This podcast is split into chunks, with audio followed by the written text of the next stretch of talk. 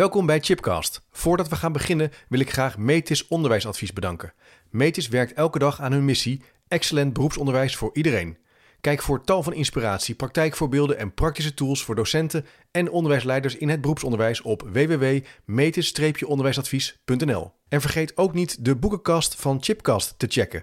Op www.managementboek.nl/chipcast vind je alle boeken die in de podcastgesprekken voorbij komen.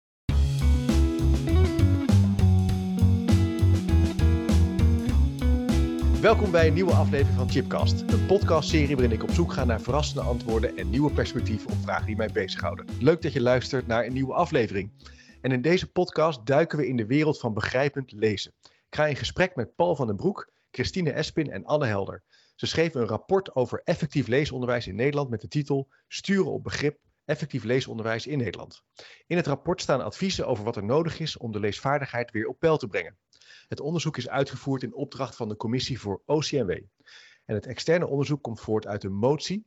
Uit de Staat van het Onderwijs 2020 blijkt dat de leesvaardigheid van Nederlandse jongeren al jaren daalt. En ook uit onderzoek van de OESO e blijkt dat bijna een kwart van de 15-jarigen problemen heeft met bazaal leesbegrip. De resultaten van onder andere internationale toetsen bevestigen ook dit beeld. En dit vormde de aanleiding voor de motie ROG, die in juni 2020 unaniem door de Tweede Kamer werd aangenomen. En misschien heb je eerder al geluisterd naar aflevering 232. Toen sprak ik met Anna Bosman en Seskin Chihangir over dit rapport. Nou, mijn gasten in de studio, online studio, zijn Paul van den Broek, hoogleraar cognitieve en neurobiologische grondslagen van leren en doseren aan de Universiteit Leiden. Christine Espin, hoogleraar leerproblemen en orthopedagogische interventies in onderwijs aan de Universiteit Leiden. En Anne Helder, universitair docent en onderzoeker op het gebied van cognitieve processen tijdens begrijpend lezen aan dezelfde universiteit. Hartelijk welkom. Dankjewel. Leuk hier te zijn, dank je. We gaan het hebben over de vraag: wat kunnen we doen om de daling in leesvaardigheid in het primair en voortgezet onderwijs om te keren? En dan wil ik toch even beginnen bij het begin, want deze vraag is op jullie pad gekomen. En het lijkt me best een grote vraag om op een gegeven moment mee te starten. Uh, Paul, kan je iets vertellen over hoe dat is gegaan? Uh, ja, uh, een paar jaar geleden, twee jaar geleden, kreeg ik de uitnodiging van de Tweede Kamercommissie om een voorstel te doen voor een rapportage.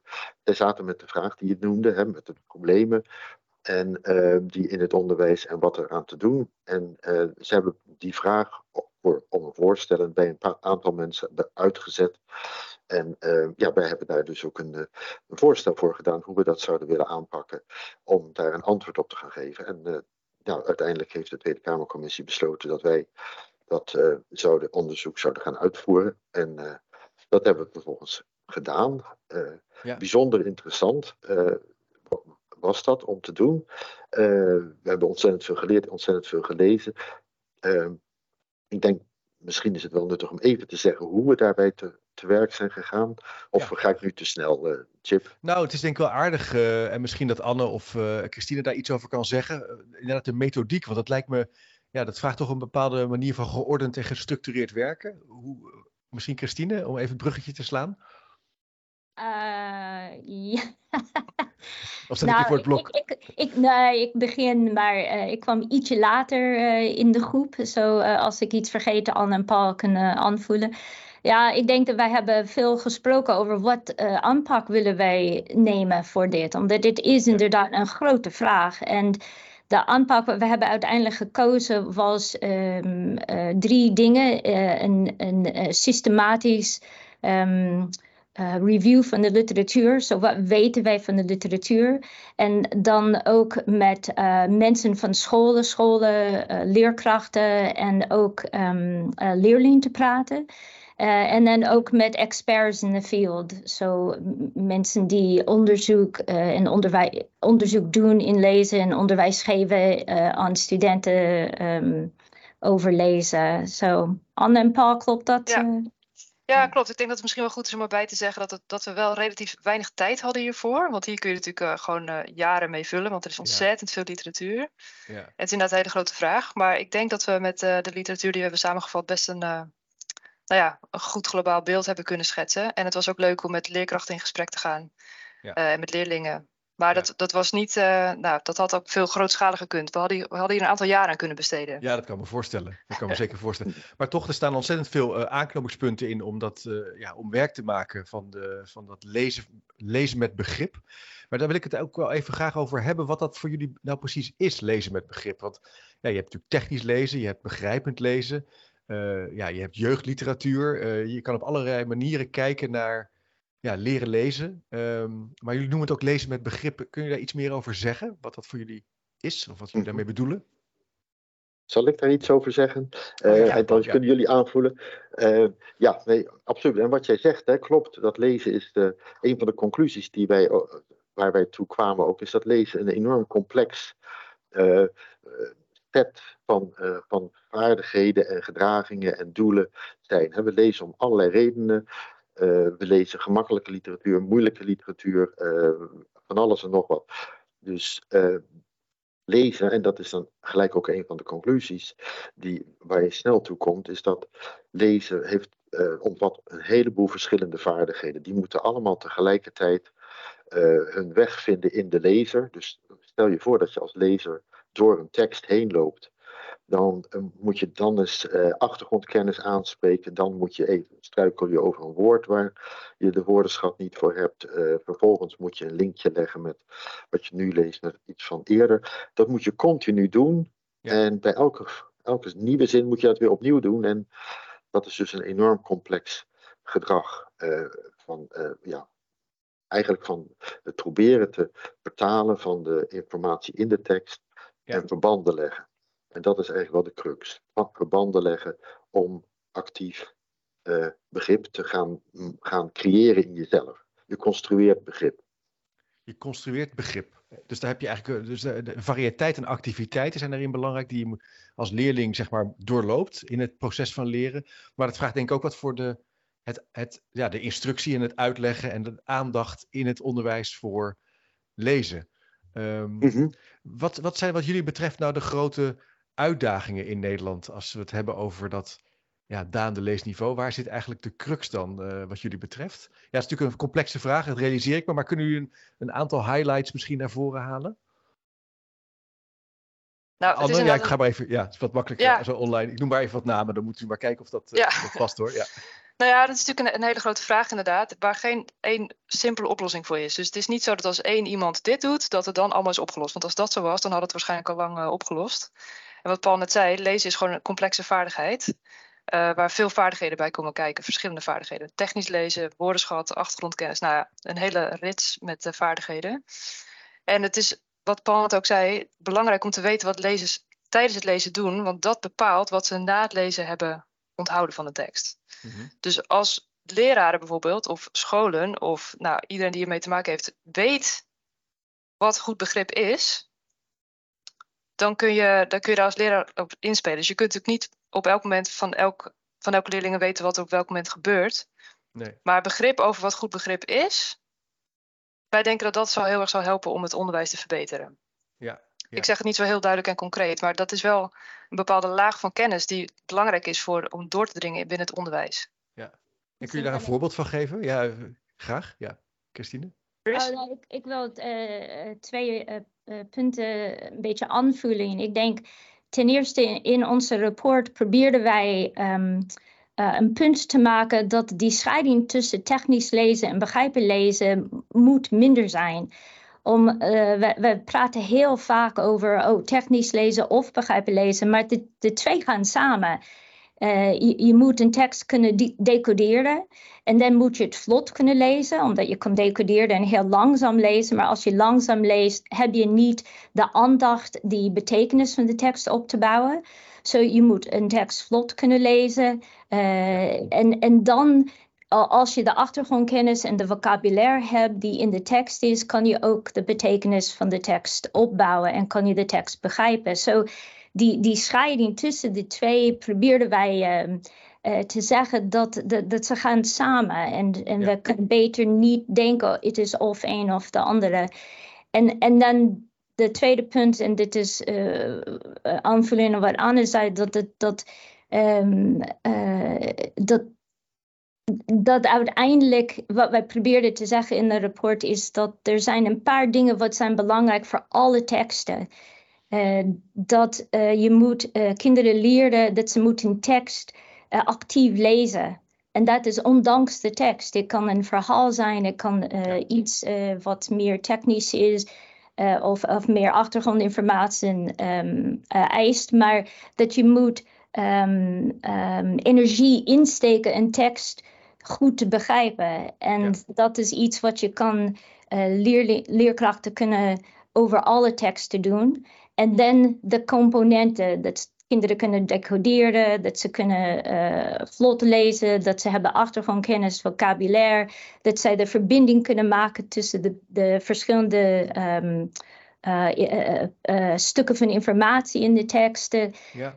dat, dat zijn allemaal belangrijk waar uiteindelijk we kunnen begrip opbouwen van de tekst. Ik zou er wel even, zou er wel even op door willen. Heel interessant hoe je dat zo toelicht. Ik, ik, ik, moet bijvoorbeeld denken aan een school waar ik recent was. In de Meern, waar uh, samen in de klas groep 4 werd voorgelezen. Met een jeugdliteratuurboek. En er heel actief hardop werd gelezen. En ze ook vervolgens actief in stilte werd gelezen. En vervolgens veel vragen werden gesteld over wat ze hadden gelezen. Dat, dat staat soms een beetje in contrast tussen.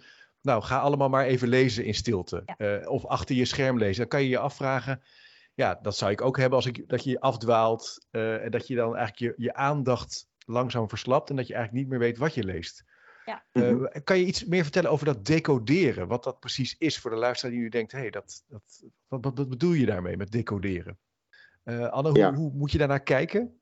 Ja, ik denk ook dat het vooral omgaat om het omzetten van tekens in klanken. Dus en dat moet snel en vlot gaan. Dus dat moet weinig ja. cognitieve capaciteit kosten, zoals wij dat dan noemen. Dus dat er meer cognitieve capaciteit overblijft voor die begripsprocessen. Ja. Dus als, als, dat decodeer, als die decodeervaardigheden helemaal geautomatiseerd zijn, uh, dan kan iemand goed technisch lezen. En dan is er dus ruimte om die begripsvaardigheden. Uh, ja, ja, ja, ja. Nou ja, daar is meer ruimte voor. Want we hebben allemaal beperkte cognitieve capaciteit, helaas. Ja, precies. Dus als je dus als kinderen dus moeite hebben met leren, dan moeten ze eerst daar goed in worden. Die, dat ze daar een beetje tempo in ontwikkelen, zodat je ruimte hebt in je brein, in je korte termijn geheugen om nieuwe dingen begrippen te leren, kennis op te doen. Ja, maar het is daarbij wel ook belangrijk om te bedenken dat begrip gaat, dat gebeurt ook zonder dat decoderen. Dus het is niet zo dat je pas gaat begrijpen als je helemaal goed kunt decoderen. Ja, ik denk Want de begripsvaardigheden die worden ook geoefend in een gesprek, zoals wat we nu doen, of als je televisie kijkt. Dus ja, het leggen van alleen verbanden. Op het ja, precies. Ja, dat, doe je eigenlijk de hele, dat doe je de hele dag door. Ja, ja. precies. Ja, ja en dat, dat ik denk, uh, Paul, jij kan over jou die studie beter praten, maar uh, Paul en zijn collega's hadden studies gedaan met uh, kinderen van de leeftijd van 4, 5 uh, die nog niet kunnen lezen. Over kunnen wij het begrip van verhaaltjes verbeteren. Zodat in de rapport proberen wij ook de nadruk op te zetten dat je kan beginnen met begrijpen lezen instructie voor de kinderen een tekst kan decoderen. Nou, begrijpen lezen met, met de vaardigheid van begrip. ja, ik weet niet, Paul, of jij wil daar meer toelichten, maar. Ja. Uh, ja, nou ja, dat is wat je zegt. Die vaardigheden die zijn deels komen, zijn die vergelijkbaar met wat je in andere omstandigheden uh, doet tijdens begrijpen. Dus inderdaad. Uh, maar goed kunnen decoderen is wel een belangrijke voorwaarde voor, voor, voor, voor goed leesbegrip. Ja, ja. ja, ja mooi. Maar, absoluut. En wat je, wat je nu vandaag de dag ook wel ziet, is natuurlijk.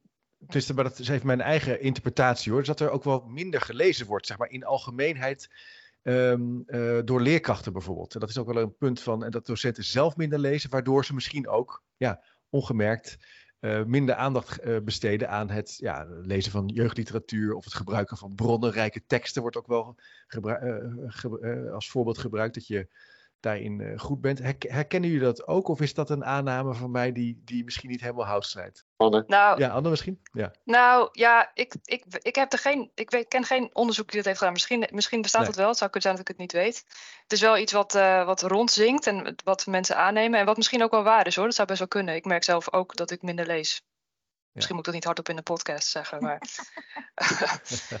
nee, maar dat kan best wel zo zijn. Um, maar ik denk dat we wel een beetje op moeten passen om, uh, om de, de schuld bij leerkrachten te leggen. Dat is niet per se wat je doet, maar ik, ik zou, ik, we moeten echt zuinig zijn op onze leerkrachten. Ja. Uh, en die, uh, die hebben het al best wel, die hebben veel, veel te doen in de korte tijd. Dus als we nu allemaal gaan zeggen van, nou, die leerkrachten die lezen allemaal niet meer. Dat, moeten meer dat... lezen, dat is niet de intentie. Nee, nee, ja, nee maar maar bijvoorbeeld uh, boeken op school of een geïnspireerde leerkracht die iets zegt over een boek wat dat hij of zij heeft gelezen, dat is natuurlijk, dat is natuurlijk alleen maar goed. Dat kan natuurlijk alleen maar goed zijn voor het ja. leesonderwijs. Dus ja.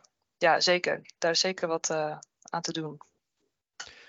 Ja, dus ik denk dat het een heel belangrijk punt is. Niet, het is makkelijk om iemand de schuld te geven. Dus daar moeten we een beetje voor. voor ja, ik zeg ook niet dat je dat per se doet hoor. Maar nee, nee, nee. Maar, het is, en, en, maar wat je ook zegt is dat er onderzoeksmatig nog niet zoveel over bekend is dat je weet. Hè? Dus nou, het, dat, dat weet ik dat is zover ik weet. Ja, voor zo in dit gesprek. Als je, als je nu luistert en denkt, hé, hey, er is onderzoek naar, nou laat het ons ja, weten. Via chipcast.nl kan je dat gewoon even doorgeven. En, ja, en wat zouden jullie nou zeggen, uh, Paul, wat, wat, waar nou de belangrijkste problemen of uitdagingen liggen? De aanleiding voor dit, hè, er wordt dus gezegd, ja, kinderen lezen minder, minder goed dan ten opzichte van vroeger. Of we zien daarin een bepaalde trend.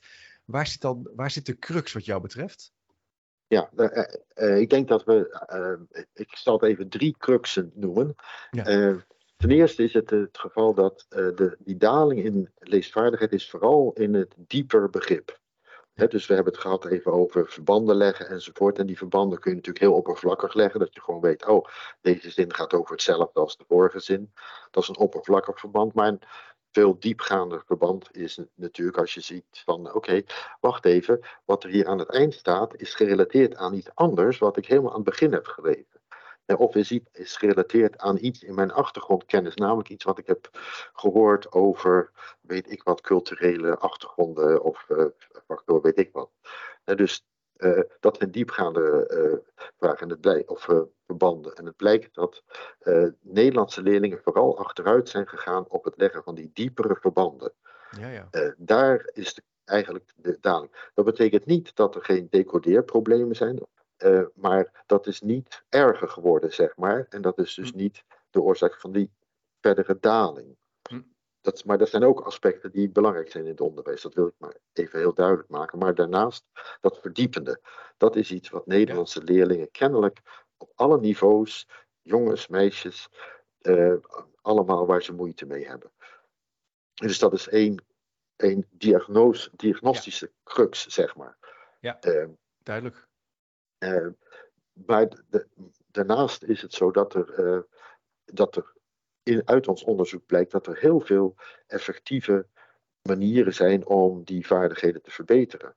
Het verbaast ons eigenlijk hoeveel, uh, hoeveel actieve en, en goede methodes er zijn. En degene die jij net noemde, strookt daar ook mee. Want het mm. gaat al die, al die methodes gaat het er uiteindelijk om. Er zijn verschillende methodes en ze verschillen in details, maar ze hebben allemaal als rode draad.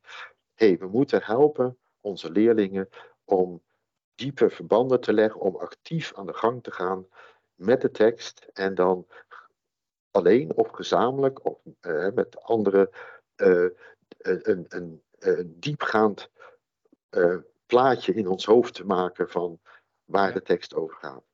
Ja.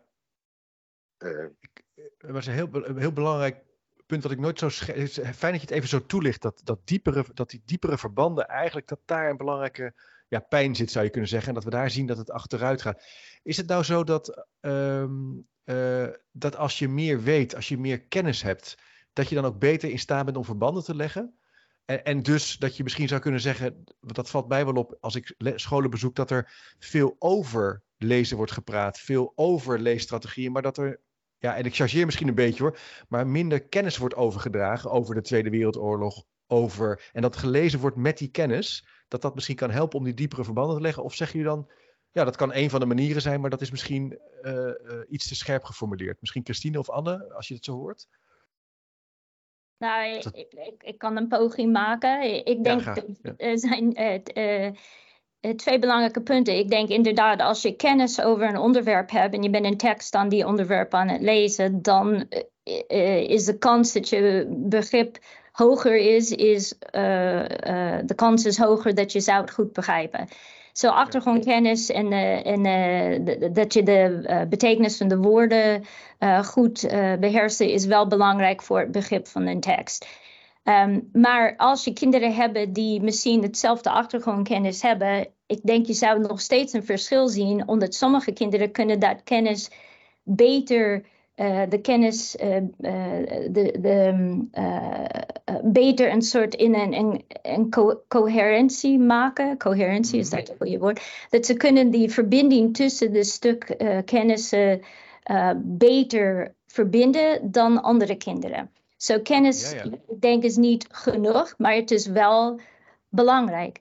Uh, en misschien als ik kennis over de Tweede Wereldoorlog heb, dan helpt mij dat niet een andere tekst beter te begrijpen of als ik uh, literatuur aan het lezen ben, uh, bijvoorbeeld de, de aanslag of zoiets, die, die boek De Aanslag, dan misschien heb, heb die, is die kennis mij in die zin niet aan het helpen. Zo, so, kennis is belangrijk, um, maar misschien niet genoeg. En dan over de leesstrategieën. Ik denk dat um, je moet een.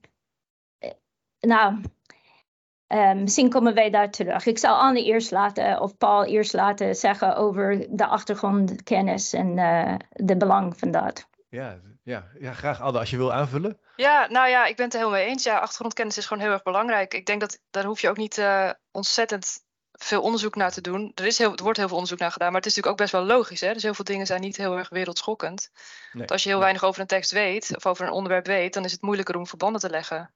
En haal je dus minder uit een tekst. En als je er heel veel over weet, dan kun je die kennis toepassen of die activeer je dan tijdens het lezen en dan haal je er meer uit. Dus het is, uh, het is eigenlijk wel vrij logisch. Maar begrip kan natuurlijk om verschillende redenen uh, lastig zijn. Het kan zijn dat de zinnen heel ingewikkeld zijn geformuleerd, bijvoorbeeld omdat je de grammaticale structuren niet goed kunt identificeren, of dat je een bepaald woord niet begrijpt, wat e-, essentieel is voor, uh, ja. voor, de, voor het begrip, of dat je aandacht wordt afgeleid, of dat er de, iemand naast je zit, uh, geluid zit te maken. Dus er zijn heel veel manieren waarop de leesbegrip verstoord kan worden, om het zo maar te zeggen. Ja, precies. Want je hebt natuurlijk vandaag de dag in die digitale wereld lezen we niet alleen op papier, maar ja, lezen we via allerlei nieuwe, ja, relatief eh, nieuwe ja, methodieken. Waar je ook wat meer afgeleid wordt misschien dan vroeger.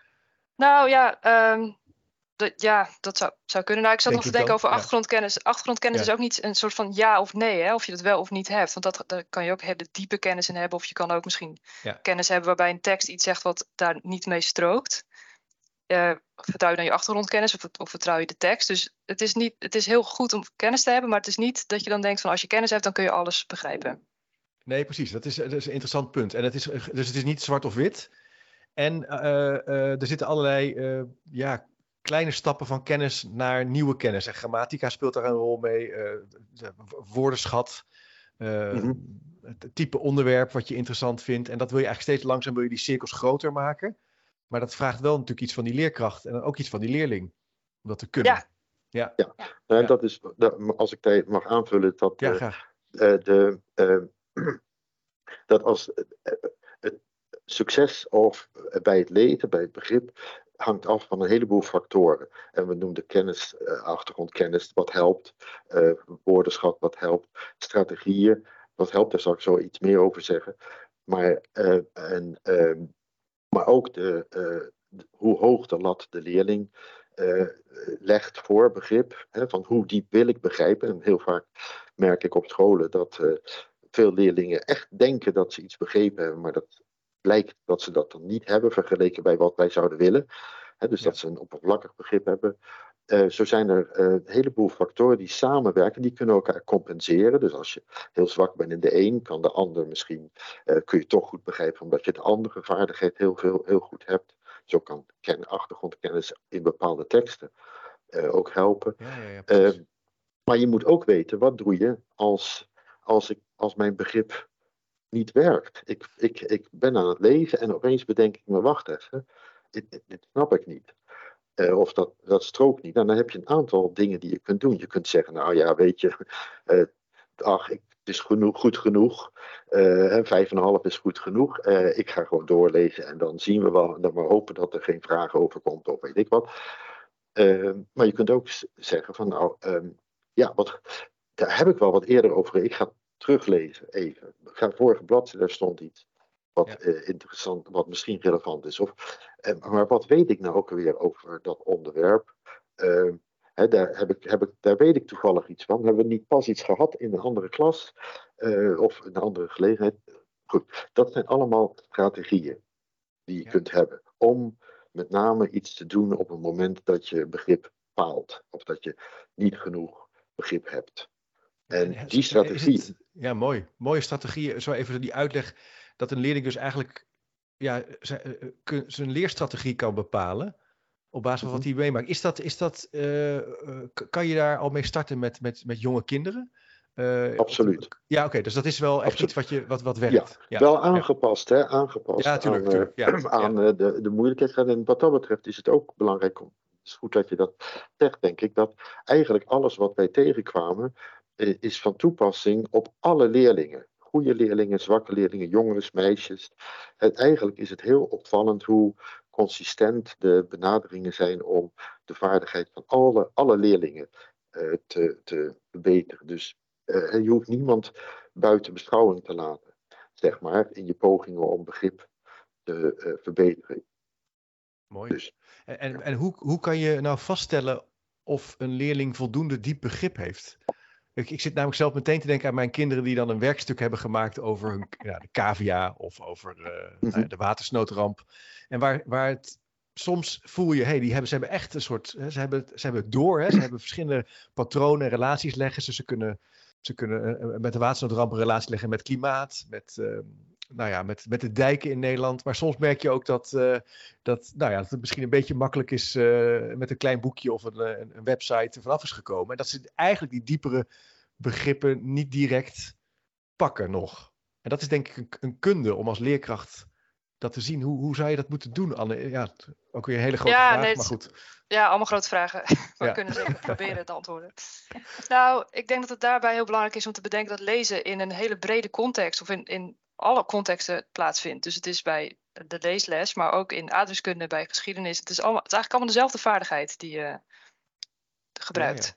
Ja, ja. En daar zou de leerkracht ook op in kunnen spelen. Dus in plaats van het heel erg uh, afgebakend leesstrategieën zoals trucjes aanleren. Nou, we weten inmiddels wel dat dat, uh, dat als trucjes aanleren, dat dat niet zo nuttig is. Het gaat er juist om dat je dat functioneel toe kan passen. Dus niet dat je denkt, goh, ik moet nu het signaalwoord vinden, want dat is gewoon niet zo nuttig. Je wil graag de verbanden leggen tijdens het uh, lezen. Ja. En kennis aan elkaar koppelen en nou, dat diepe begrip ja, ja, faciliteren precies. eigenlijk. Dus als leerkracht zou je dan... Ja, precies. Dat doe je eigenlijk altijd overal bij elk vak en bij elk thema. Maar het moet geen trucje zijn. Ja. Inderdaad, ja. ja.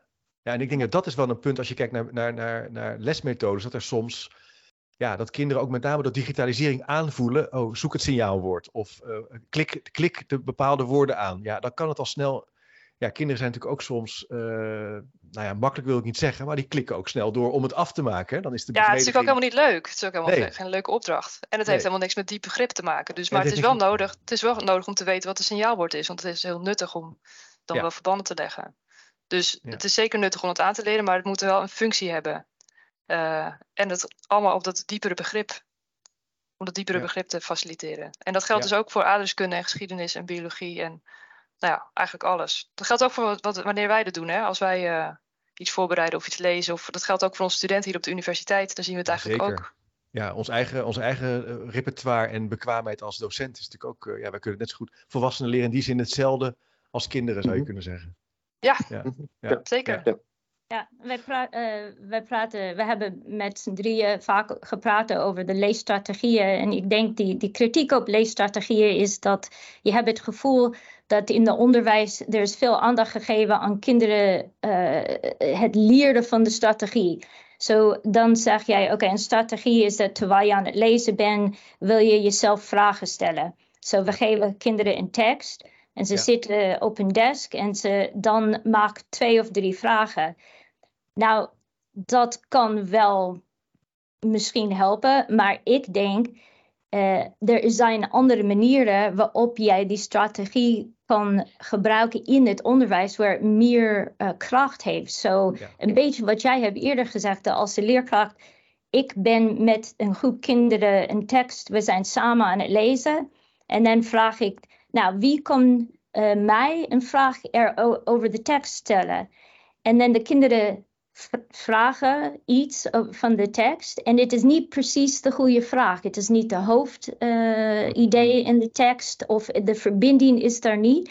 En dan mijn taak als leerkracht, als regisseur, als wij zeiden in de, in de rapport, is de kinderen te helpen naar de meest belangrijke informatie te komen en de verbinding te zien. En dan, so, dan zeg ik, nou, zou je die vraag, uh, een vraag hierover kunnen stellen? En waarom zou ik dit vraag willen stellen? En uh, misschien kun je het zo zeggen. So, dat is in die, die conversatie met de kinderen, in de interactie met de kinderen, komen ze uh, te leren dat terwijl ze aan het lezen zijn, soms moeten zij zichzelf vragen stellen.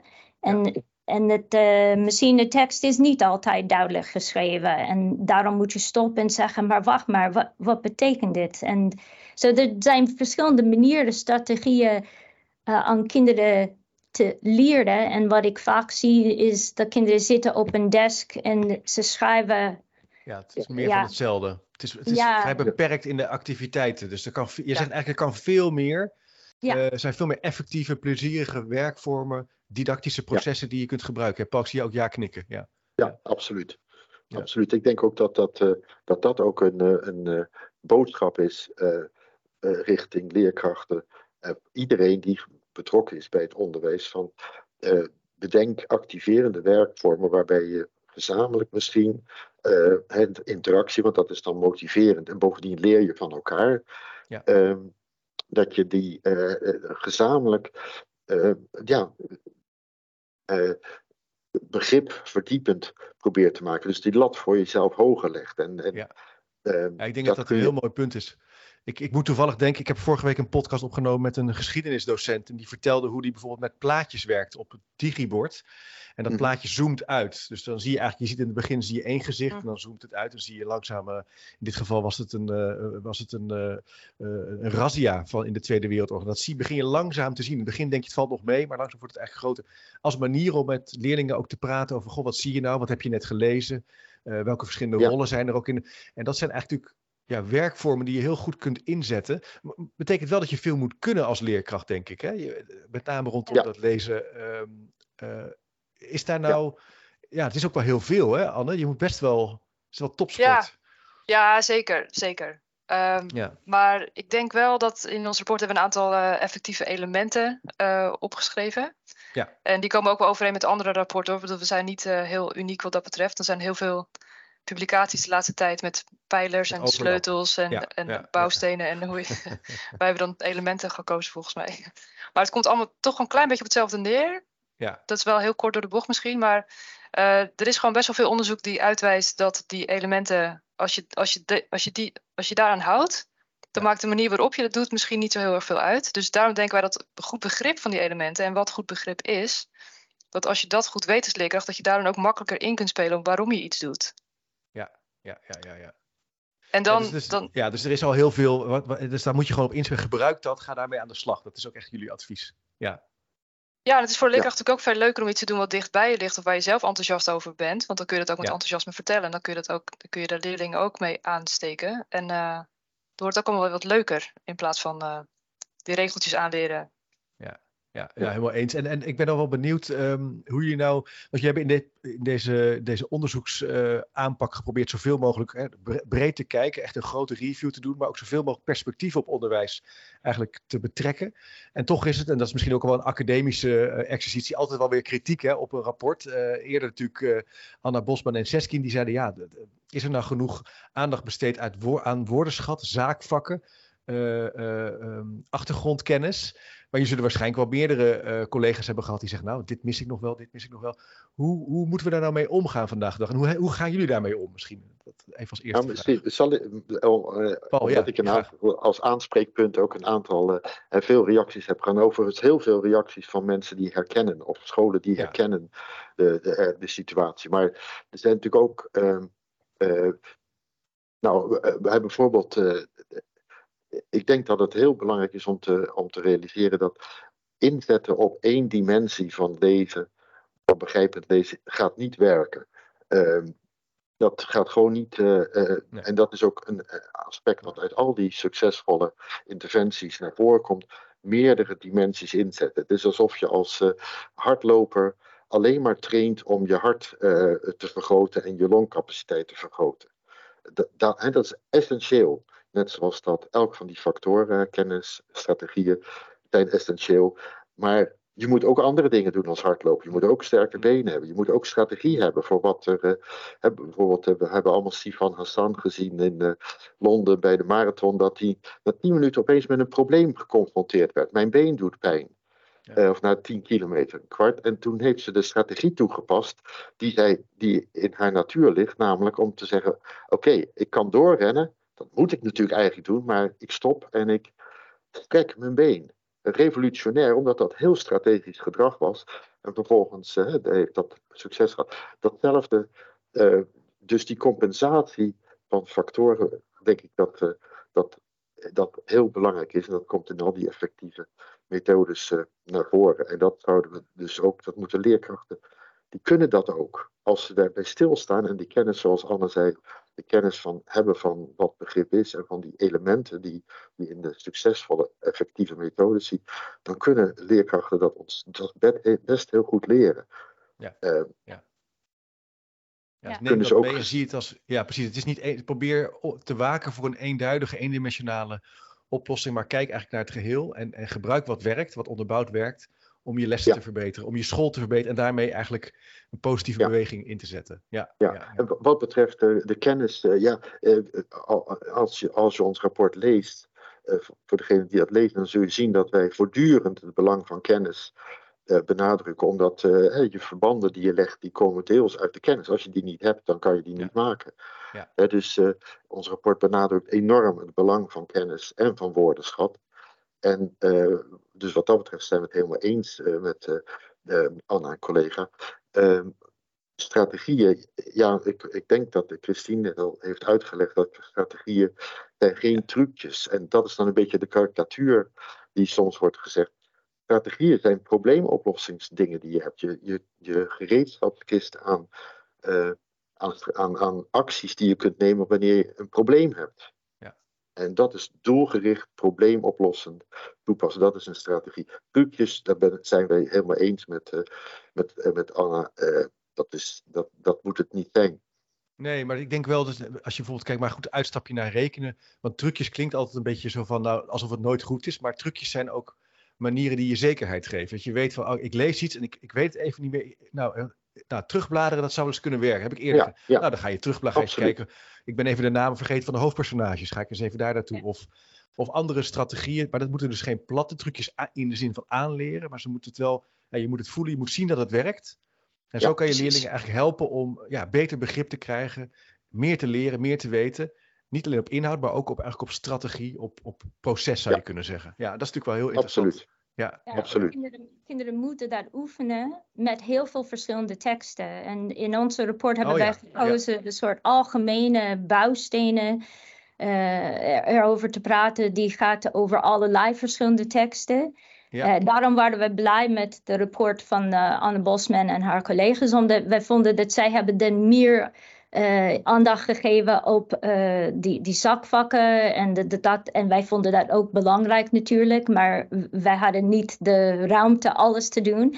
Uh, maar voor ons was oké, wat, wat is belangrijk ondanks wat voor tekst je hebt? Wat zijn de belangrijke bouwstenen? En dan hebben we ook gezegd, dit moet gebeuren. de kinderen moeten dit oefenen met allerlei verschillende teksten. En niet alleen zitten en, en werk uh, opdrachten doen. Je moet het wel met de kinderen al die, die strategieën, die, die vaardigheid, die achtergrondkennis, dat moet je oefenen. Uh, kinderen moeten in, oefenen met teksten. Ja. Ja. Ja, ik denk dat in die zin is het ook een appel naar toetsontwikkelaars, naar methodeontwikkelaars, naar uitgevers. Uh, maar ook naar, uh, naar de opleidingen voor leerkrachten, de continue professionalisering, om daarin in werkvormen, in didactiek goed geschoold te raken, zodat je een variëteit kan aanbieden aan, aan kinderen in je klas. Afhankelijk van je type onderwijs. Dat is natuurlijk anders bij Montessori dan bij, bij Jenaplan misschien. Maar hoewel dan nog heb je eigenlijk dan nog, Ja. ja. dan nog. En, en daar zitten natuurlijk in het rapport ontzettend mooie aanknopingspunten hè, in. Dus wat dat betreft uh, is dat wel uh, uh, ja, gewoon hartstikke belangrijk dat we dat blijven doen. Hè, dat reflecteren hierop. Is er, zijn jullie nou, misschien tot slot, hè, er zijn en dat is het begin ook wel in het nieuws makkelijk scoren vandaag de dag. Veel kritiek op het onderwijs. Het gaat allemaal niet goed. Het is allemaal tekorten. Uh, nou, werkdruk. Uh, hoe zijn jullie optimistisch over het onderwijs ja. of pessimistisch? Ja. Ik ben optimist. Wij zijn optimistisch. Ja? Allemaal, ja. Uh, ja, absoluut. Er zijn dingen die absoluut verbeterd moeten worden. Hè? En die daling is reëel. Enzovoort, enzovoort. Maar tegelijkertijd zien wij uh, ontzettend veel interesse bij allerlei spelers uh, in het geheel. De, de lerarenopleidingen, maar ook uh, toetsontwikkelaars, uitgevers die, wij, die naar aanleiding van ons rapport, maar ook van de andere rapporten die Anna noemde, geïnteresseerd raken. Misschien niet zo snel als dat we zouden willen. En misschien nog niet altijd op de, precies op de manier die we zouden willen. Maar er is best wel heel veel positieve energie van mensen die willen in allerlei spelers.